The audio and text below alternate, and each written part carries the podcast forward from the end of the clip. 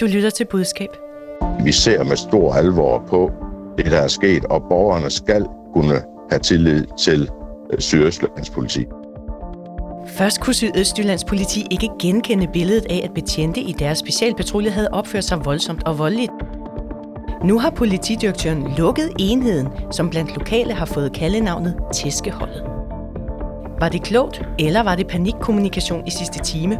Hvorfor er politidirektøren pludselig her, der og alle vegne i medierne? Kom politiet lige frem til at dele for mange informationer i sagen? Velkommen til Budskab, Fagbladet Journalistens podcast, hvor vi også skal tale om organisationen Landbrug og Fødevare, som siger, at deres logo er blevet hacket i en klimakampagne.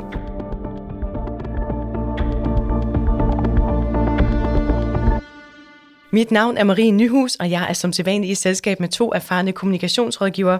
Det er dig, Rikke Lyngdal, selvstændig rådgiver og tidligere særlig rådgiver for flere venstreministre. Velkommen. Tak. Og så har vi dig med, Kasper Strand, kommunikationschef i Patienterstatning og tidligere taleskriver i Statsministeriet. Velkommen. Tak. Vi starter som sædvanligt med lige at høre, hvor I helst eller nødigst vil være rådgiver i denne her uge. Kasper, hvor vil du nødigst være?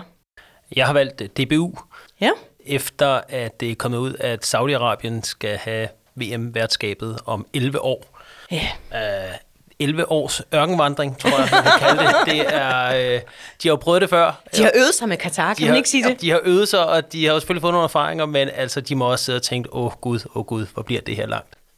Men altså, øh, efter VM i Katar, der var fodbolddirektør Peter Møller jo faktisk ude og sige noget om øh, en fejlslagen kommunikationslinje og en fejlslagen øh, håndtering af Katar-debatten. Hvis nu du sad i DBU, hvilken linje vil du så gå med her frem mod Saudi-Arabien? Vil du være sådan åben, og vi skal promovere vestlige værdier, eller, eller vil du så nedtone den del af det lidt? Jamen, jeg ved simpelthen ikke, hvad jeg skal svare til det. Jeg, jeg, det, det, det er, og det er så lang tid, altså 11 år. Regnbuearmbånd? Ja, men, ja, men og hvornår skal man starte på det der? Det er, og det er så lang tid. Øh, man kan jo håbe på, at der er nogle øh, slutrunder ind imellem, som tager øh, fokus en lille smule væk fra. Det er der jo selvfølgelig, men, øh, men det, bliver, det bliver en lang og sej kamp. De skal, de skal i hvert fald være varsomme med at prøve at kommunikere, at at de vil tale menneskerettigheder, fordi det der armbånd, det, eller armbind, det blev der pillet af hurtigere, end man kunne blinke med øjnene, Ja, da der hvis- var problemer sidst. Hvis man først får lagt sig øh, det skæve sted, ikke, så er der, så er Ja. lang vej hjem. Ja, men det er, det er helt mageløst. Det her, de kunne lige så godt ligge det i Rusland jo.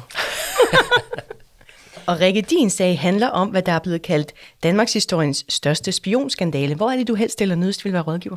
Ja, jeg har altså været fræk og valgt at tage øh, begge dele. Ja. Altså allerhelst vil jeg selvfølgelig være på, øh, på Finsen og Hjorts side nu. Øh, det må sige at være en helt fantastisk øh, forløsende dag for dem i går. Øhm, og nødigst vil jeg så være på anklagemyndighedens slash regeringens side. Øh, de står virkelig i en øh, udfordrende situation nu, øh, særligt regeringen jo, øh, og i virkeligheden i det øh, ret meget venstre, som stod ude, udenfor før og kritiserede rigtig meget, og nu er de en del af regeringen, så hvordan den her den skal turneres, det bliver rigtig spændende. Det er i hvert fald ikke blevet lettere for Troels Lund.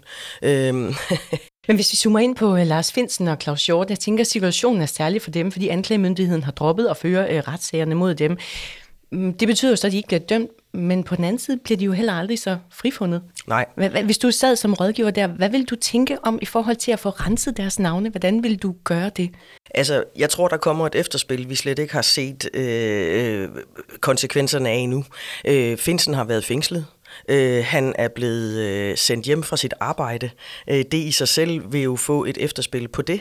Øh, og Hjort altså, han, som var allerede i jamen, det var helt maløst. ja. Altså, det var helt maløst. Sagen begyndte, må man nok gå ud fra, i Libert for år tilbage, da Hjort sidder derinde, og han sidder og kunne hjælpe med derinde i går live, da, da det så kommer frem, at, øh, at sagen er lagt ned.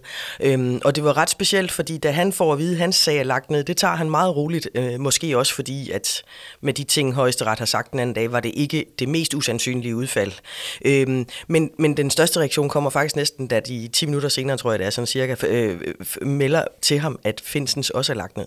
Der bliver han meget lettet. Men jeg synes også, man kunne mærke på Claus Hjort, hvor belastende det her har Ja. været, og hvor, hvor meget vrede der er, også er omkring sagen. Det bliver også spændende at se, hvordan det bliver tøjlet, altså i det hele taget fra, fra begge sider. Ikke?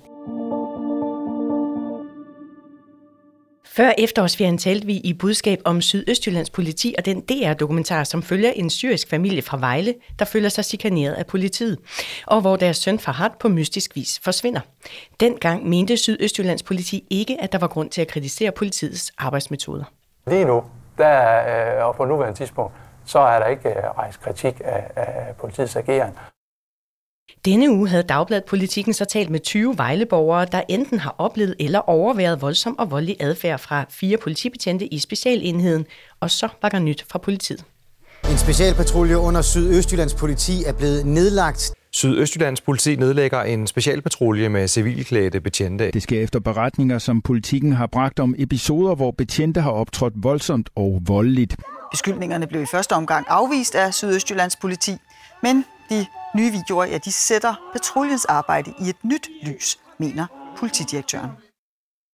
Rikke, de går altså fra at sige, at der er ikke grund til kritik, og så til at nedlægge en enhed. Hvad siger du til det? Jamen, jeg siger, at øh, hvis man nu skulle være rigtig spindoktor i det her, så skal man festne sig ved, at han i den ene sætning, han siger to gange, siger, lige nu er der ikke grund til kritik, og på nuværende tidspunkt, det kommer nærmest lige efter hinanden. Det er sådan en bro til, at det kan der godt være lige om lidt hvis man skal være spindoktor. Og det er rigtigt, han holder en dør på klem, men, men, de, det, han holder men, de, dør på klem. de afviste jo kritikken. Det gjorde de. Og altså, i forhold til, at man så nedlægger øh, den her specialenhed efter artiklerne i politikken, hvis man skal være lidt hård, så kan man godt sige, at det ligner for mig en panikhandling. Og hvorfor det? Det gør det, fordi når politidirektøren skal forklare hvorfor, så siger han faktisk, at det har egentlig ikke noget at gøre med kritikken af de enkelte personer, men det har noget at gøre med, at tilliden til politiet er ved at ryge. Mm. Og så kan man diskutere, og det bliver virkelig højpandet det her, men bliver tilliden større eller mindre af, at man laver en panikhandling, hvor man nedlægger en enhed uden i virkeligheden et fagligt ophæng, for det er jo det, han siger. Han siger, at de ikke har et fagligt ophæng endnu på de enkelte betjente, men de gør det på grund af tillid. Øger det tilliden, eller mindsker det tilliden? Og der er jo ingen tvivl om, de skal gribe ind. Men hvad tænker du, øger de tilliden? Øh, ikke hvis man sidder og kigger på det, som vi gør.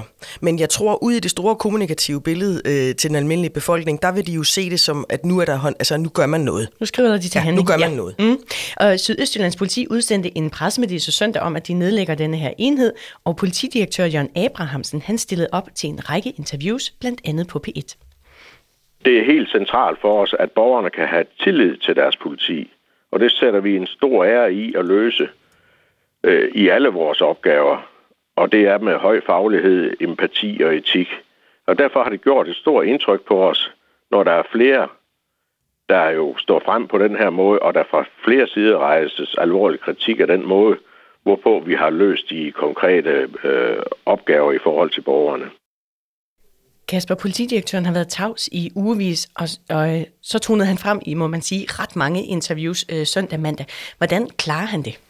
Jamen, jeg synes egentlig, han klarer det okay. Mm. Øh, det hvad, er, hvad er det, han gør godt, synes jamen, du? jeg synes, at han, øh, altså dels det, at han stiller op i rigtig mange og lange formater, det må være noget, de har overvejet. Altså det med at stille op i være noget, der ligner 15 minutters live-interview på radioen, det er svært. Det er en ja. svær disciplin, hvor man bliver hævet rundt af nogle erfarne øh, interviewer.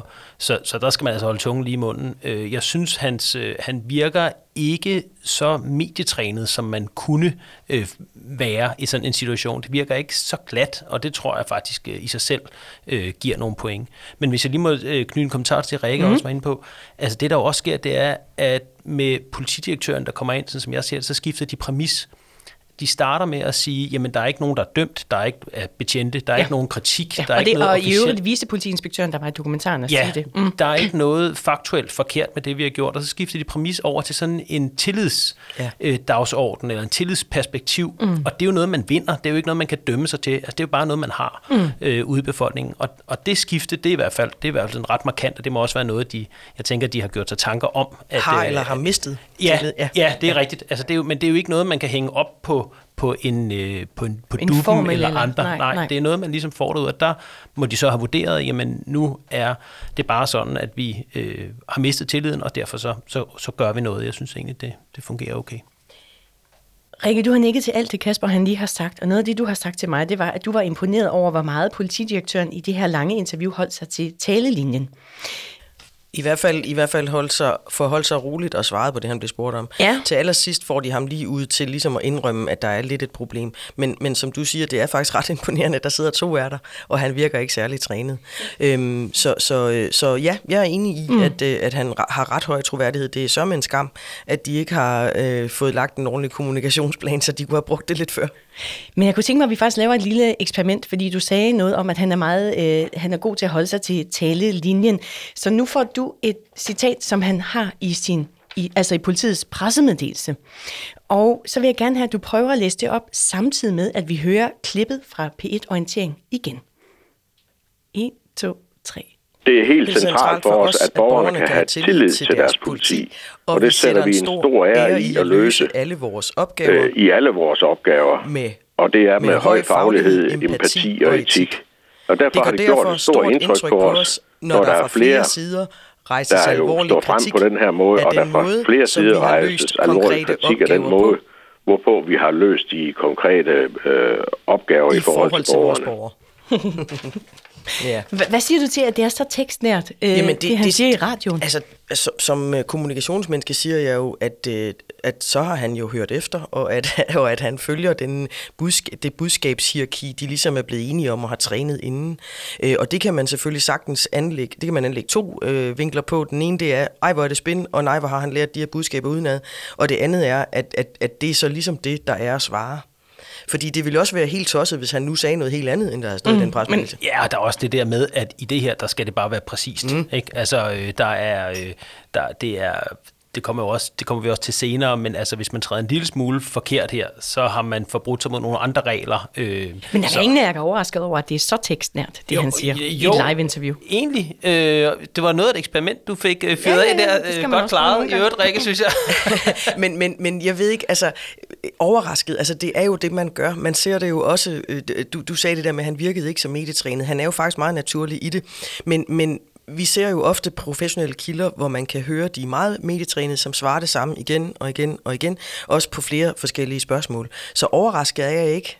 Men, men jeg synes egentlig, at han var meget god til at levere det naturligt. Ja, det synes jeg nemlig også. Det er det, jeg er overrasket over. Jeg er ikke overrasket over, at det er forberedt, men det, var da, det virkede da meget han laver sådan lidt, lidt jam ind over, så det er ikke sådan helt ja. ord til ord, men det er tæt på, ikke? Ja. Nå, men altså, øh, midt i det her store mediepres mandag, der sendte kommunikationschefen fra Sydøstjyllands politi en mail til Vejle Amts Folkeblad, hvor hun gav flere informationer om den dansk-syriske families 17-årige søn, Fahad.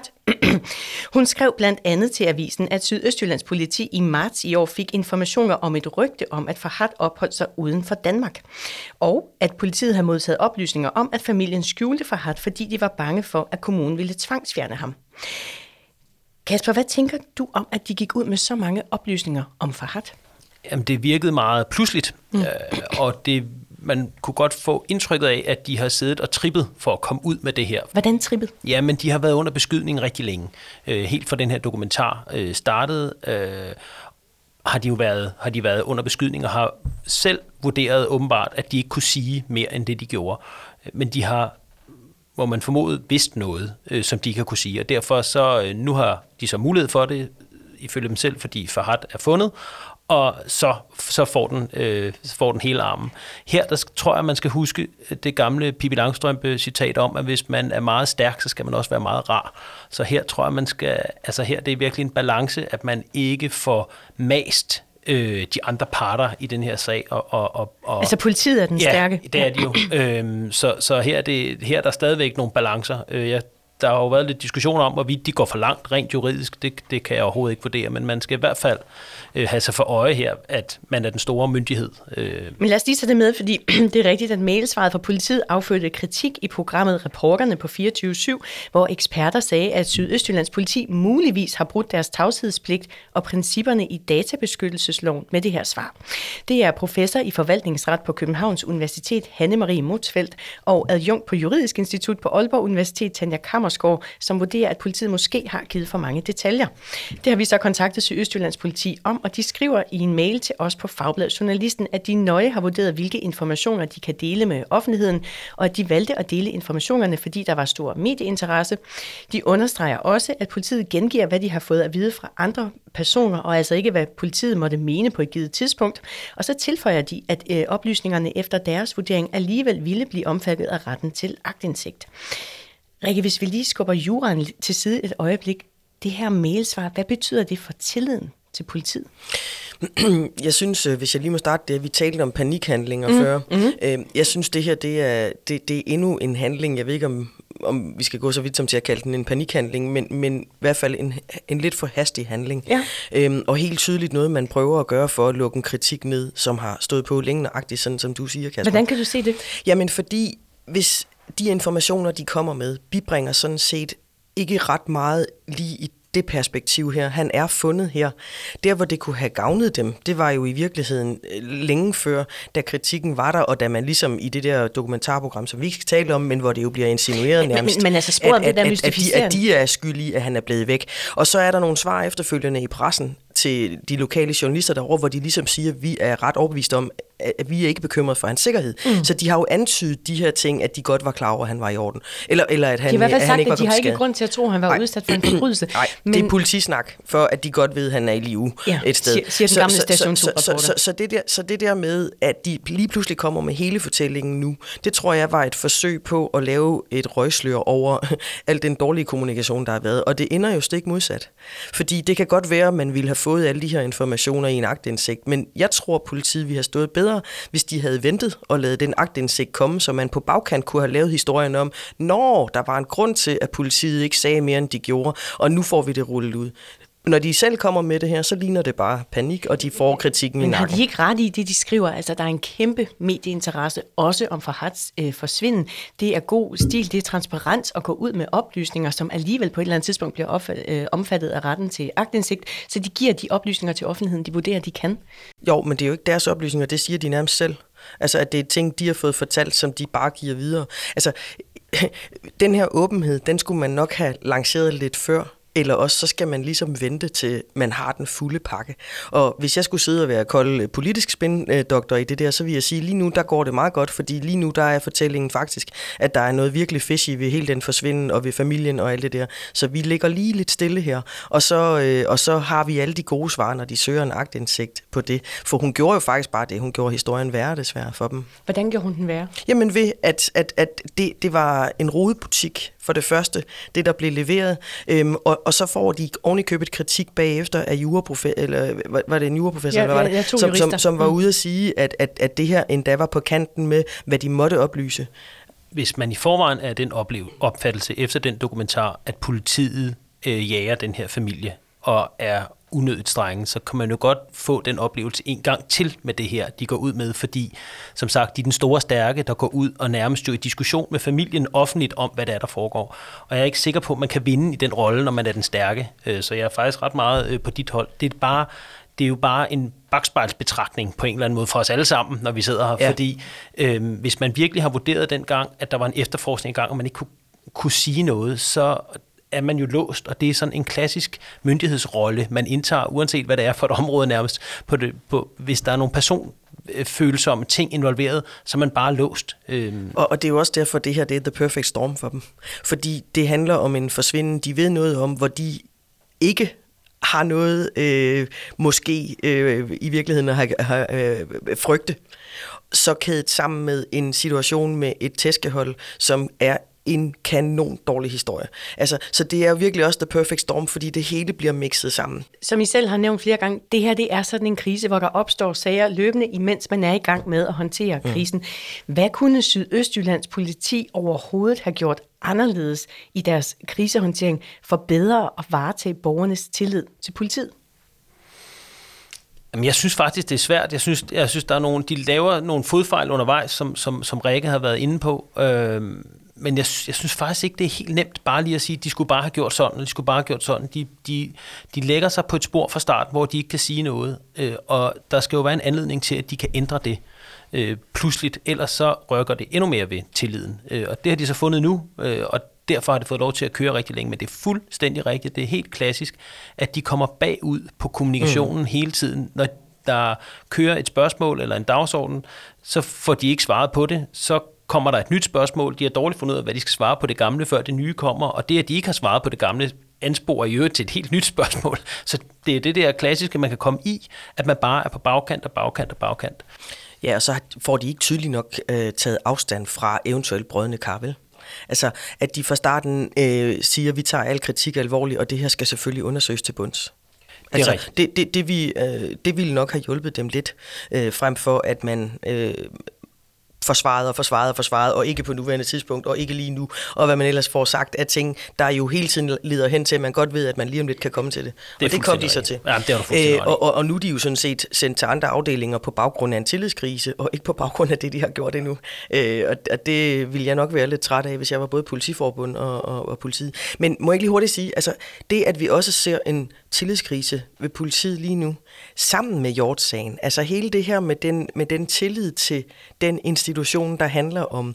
Øh, altså, Retsvæsen. Ja, mm. øh, det, det er simpelthen så farligt. Altså, fordi, fordi det virkelig... Øh, vores samfund bygger i grund, altså helt grundlæggende på den tillid, vi har til institutioner. Øh, så, så når der kommer flere af den slags sager lige oven i nakken af hinanden, der fylder rigtig meget, så begynder det at blive øh, spændende at se, hvad det kommer til at få betydning for den store, det store kommunikationsbillede på det, det her. Det er helt rigtigt.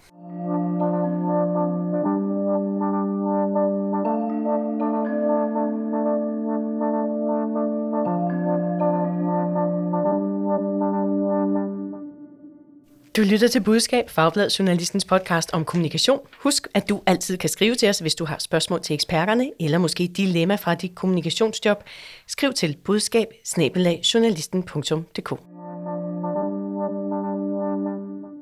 Vi skal tale om denne her kampagne. De danske bønder har altid løst samfundets store udfordringer, og gennem alle århundreder har de været den primære grund til, at vi har kunne få mad på bordet. Men nye store udfordringer er endnu ikke løst i vores samfund.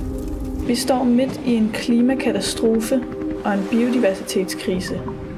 Denne gang er vores kære landbrug fanget i en blindgyde, der i stedet for at bidrage til at løse krisen, accelererer den det er den grønne ungdomsbevægelse, som står bag kampagnen Fødebrug og Landvarer, som man kan høre, det ligger sig tæt op af navnet på Landbrug og Fødevare, og de har også udviklet et logo, som til forveksling kunne ligne den store landbrugsorganisations logo.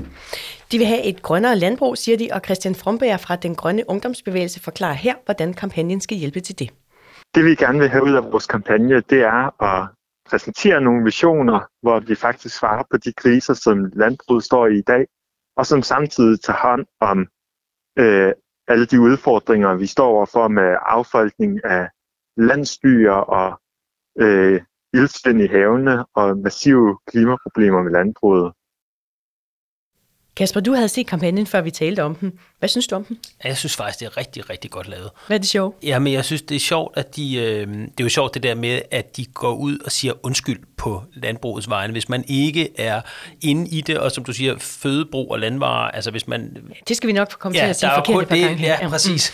Der, der er kun nogle altså det er de få indvidede, der øh, er helt skarpe på det her øh, område. Ikke? Altså det, det er jo selvom det, det fylder meget i debatten lige nu, så, det der, så, så, øh, så øh, er det jo ikke noget, sådan et, forestiller mig et, øh, et logo eller en organisation, som folk sådan bredt går og refererer til i dagligdagen. Så de formår faktisk at forvirre folk. Øhm, og så synes jeg faktisk, det er rigtig godt lavet det der med, at de øh, samtidig har en positiv vinkel på det. Det er ikke sådan en eller anden... Øh, det, det, det, det, det, det, det er jo humor, men ikke på sådan en grov, øh, nedrig måde. Nej, de, og de hylder jo faktisk landbruget på nogle det måder. Det gør de nemlig, så de krammer dem sådan ihjel med humor, ikke? og det, øh, det synes jeg faktisk er ret godt lavet af sådan en, øh, en nok noget mindre organisation at få sådan en slem gennemslagskraft. Rikke, de vil have handling på klimaområdet. Er kampagnen en god måde øh, til at opnå det? De har i hvert fald sat øh, landbrug og fødevare rimelig skakmat. så øh, fordi, fordi øh, det er nemlig en god kampagne, og hele den her diskussion af, om, om de store etablerede skal blive sure på den lille, smarte, kreative øh, klimaorganisation, som, som har fundet på noget godt, der egentlig fagner dem jo. Mm. Fordi det er, så godt, øh, det er så godt balanceret det her med, at de ikke sviner dem til, mm. men, men roser dem og ligesom kommer med en løsning. Så, så øh, jeg vil sige, øh, jeg tror, der er, der er tænders gnissel øh, på Axelborg lige nu, og, og, øh, og, og jeg vil tror, altså umiddelbart så, øh, så skulle man måske være modig nok til at embedde dem. Altså, mm. tage dem ind og sige, kom ind og fortæl os om det her. Det, om... det, kunne, det kunne faktisk være med til at løfte en udfordring, Landbrug og Fødevare har lige nu, hvis de ellers tør. Hvad er det for en udfordring? Jamen, det er udfordringen omkring, at vi har fået en fortælling om, at, øh, og det er ikke en rigtig fortælling, men, men groft fortegnet øh, har man den her, på grund af CO2-udgiftsdiskussionen, som om, at dansk landbrug vil være sorte og forurene. Det er ikke sandheden. De har faktisk i mange år Det er i hvert arbejdet fald en på... diskussion, jeg kan høre. Ja, Men, ja, øhm, men, men mere mm. for at sige, at det, derfor kunne det hjælpe dem. Mm, mm. Og i hvert fald, som du siger, øh, du kalder det Landbrug og Fødevare er sat skakmat. De virker ikke sådan umiddelbart mega begejstret fra kampagnen. altså, i- i et skriv, som de ifølge vores oplysninger har sendt til deres lokale landbrugforeninger, der skriver de under overskriften Kampagne kopierer Landbrug og Fødevare logo og navn. Citat. Set fra kommunikationsperspektiv er det et klassisk greb at hacke et logo, og vi har tidligere set andre gøre det samme. Det tager vi med ro, men vi er naturligvis opmærksomme på kampagnen, og om der skulle opstå situationer, hvor offentligheden bliver villig til at tro, at Landbrug og Fødevare er afsender.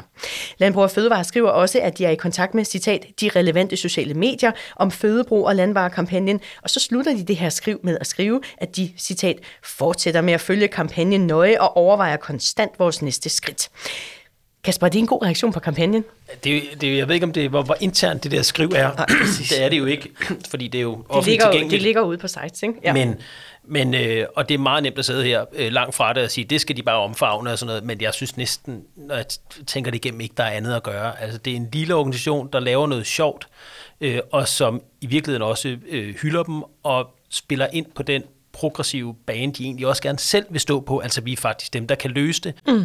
Øhm, de skal, altså, øh, og de, de jo indtager, den her grønne organisation indtager jo den der kejserens nye klæder Mm. øh, rolle, altså øh, barnet, der siger, øh, hvordan det er, sådan, sådan vil de i hvert fald nok gerne Mm. selv øh, også fremstille det. Så altså, jeg tror, det er op ad bakke og slås, apropos Pippi-citatet fra før, mod, øh, mod den der organisation. Og altså, hvis man, var, hvis man kunne få det til at passe sammen, så, altså, så passer det jo egentlig meget godt ind i landbrugets egen fortælling. Men, men altså skrivet, er du begejstret for det? Det, det, det Ej, jeg synes, om. det, jeg, jeg, jeg synes det, nu sidder vi her, hvor mange, jeg ved ikke, mange, der har set det, men jeg synes, det, det bevæger sig hen i retning af, at man vil slås med det.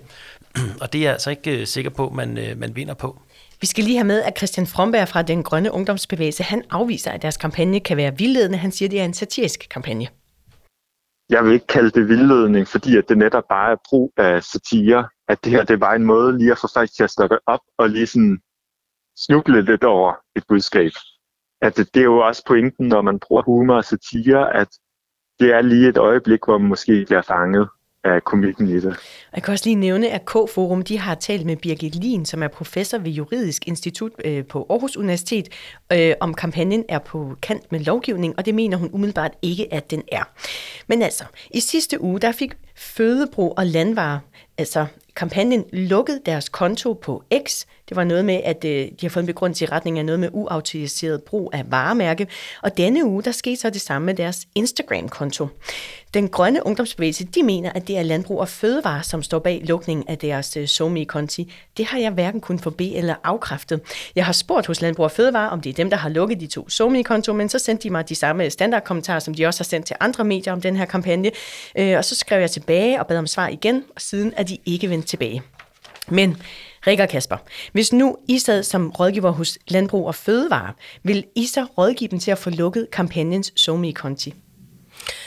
Altså det her er jo det klassiske problem, de hele tiden har, og det er, at de har en baglandskommunikation, og de har en omverdenskommunikation. Ja. Og det har de aldrig formået at få samlet. Og her Så fik det, vi så fedtet noget baglandskommunikation ind i Ja, omverdenen. det skriv der, Ja. som vi lige talte om før, Ja. det er jo baglandskommunikation, hvor man er nødt til at sige til alle de her øh, øh, gode bønder, som er medlemmer, prøv at høre, vi forstår godt, hvis I er frustrerede over, at I bliver kaldt nogle øh, sorte svin, fordi det, det er vi jo ikke. Mm. Øh, og så har de samtidig hele omverdenen, som fuldstændig køber ind i præmissen.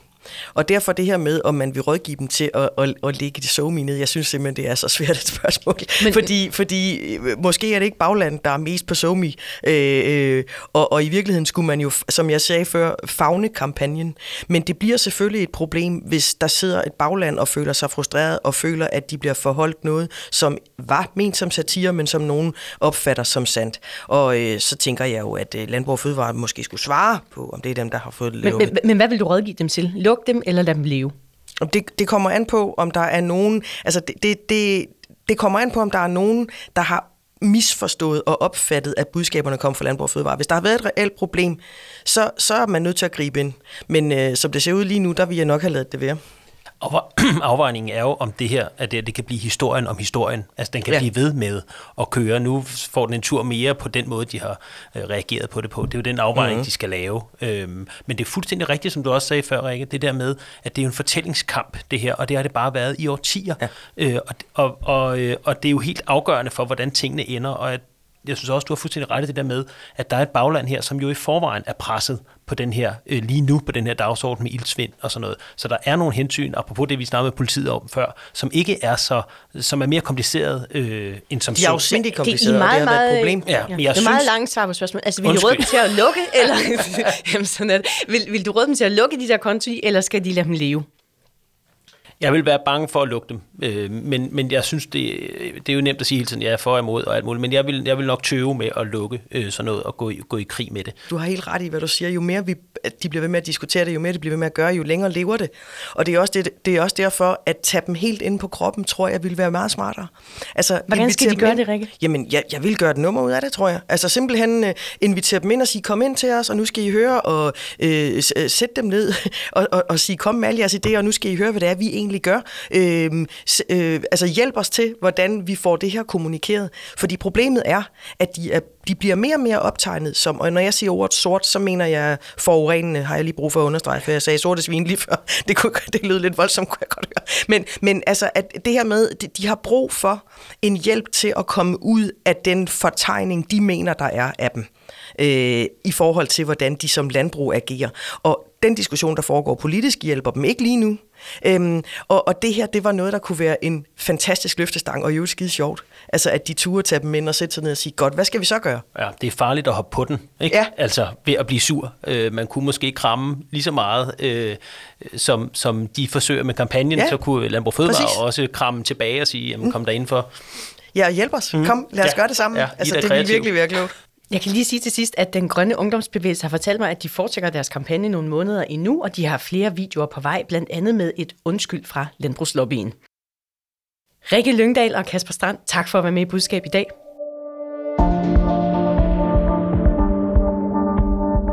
Lyttede til Budskab, Fagbladet Journalistens podcast om kommunikation. Mit navn er Marie Nyhus, og jeg er redaktør og vært på Budskab.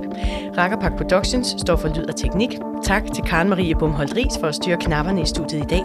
Du hørte et klip fra DR, TV Syd, Radio 4, P1 og Den Grønne Ungdomsbevægelse på Instagram. Husk, at du altid kan skrive til os, hvis du har input eller idéer. Skriv til budskab Og hvis du kan lide at lytte til budskab, så giv meget gerne podcasten en anbefaling eller fortæl om os til en ven. Tak fordi du lyttede med.